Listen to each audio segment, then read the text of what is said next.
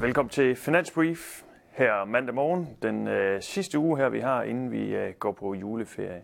Og lad os prøve at starte med at tage et kig på, hvordan det så ud på finansmarkederne sidste uge. Det blev jo øh, endnu en uge med rentefald, og øh, også så på den baggrund afledte aktiekursstigninger, og aktierne tikkede igen op, ikke mindst i øh, USA. Men det var altså renterne, der faldt jo på øh, især det centralbankmøde, der var i Fed, den amerikanske centralbank onsdag, hvor de altså var meget tydelige omkring, at øh, de regner med at komme til at sætte renten ned i øh, 2024 på baggrund af, at inflationen jo er kommet øh, en hel del ned. ECB øh, holdt så møde torsdag, kunne ikke helt følge op på den samme retorik, er lidt mere forsigtige, nok bare notorisk lidt mere forsigtige end Fed. Men, men øh, øh, ECB signalerede, ligesom man ville kigge på nøgletallene for at vurdere, hvornår renten i givet fald skal ned. Men det, det var de her Fed-signaler, der, der ligesom, øh, var det dominerende i sidste uge og, og gav et stort fald i, øh, i renterne. Og øh, det er også noget af aktieinvestorerne, som øh, har vane for at være glade for, derfor ja, aktiekursstigninger. Og det er jo altså, ja, et miljø, hvor vi bare må sige, at øh, selvom der også kommer lidt dårlige nøgletal ind i en gang imellem, så er aktieinvestorerne bare øh, meget svære at gøre bekymret. De er glade for de her rentefald, øh, og ikke så bekymrede for vækstudsigterne. Og der er vi jo altså lidt mere skeptiske.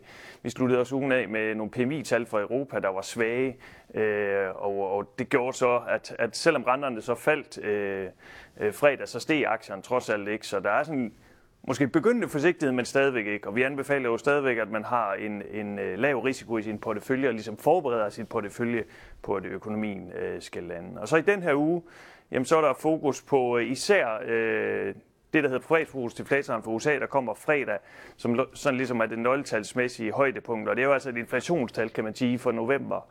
Vi har fået inflation for november, det fik vi faktisk sidste uge, og det vil stadigvæk afdæmpet inflation. Det her det er jo øh, det, man kan kalde Feds favoritindikator for inflationen, og den skulle gerne vise lidt af det samme, og det gør, kommer den formentlig også til. Øh, I fem måneder i streg har vi egentlig set afdæmpet måned til måned inflation. Det tror vi, vi kommer til at se igen. Så potentielt kan det fastholde det her billede af, at renterne øh, skal ned. Og ellers så for øh, øvre området, jamen der har vi øh, højdepunktet i den her uge. Jamen det er i i mandag, hvor vi får IFO-tal, og så ellers er der nogle forbrugertillidstal senere øh, på ugen.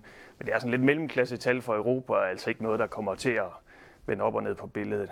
Her mandag morgen, jamen øh, der ser det ud som om markederne åbner en lille smule i øh, minus, og det er fordi Bank of Japan har rentemøde i morgen, hvor de måske kommer til at tale om opstramninger faktisk. Bank of Japan har jo slet ikke øh, strammet pengepolitikken op endnu i, øh, i samme målestok, som ECB og Fed har. Men det er status her ja, mandag morgen. En lille pil ned, men altså ellers meget, meget positive øh, aktieinvestorer, store aktiekursstigninger også i, øh, i sidste uge.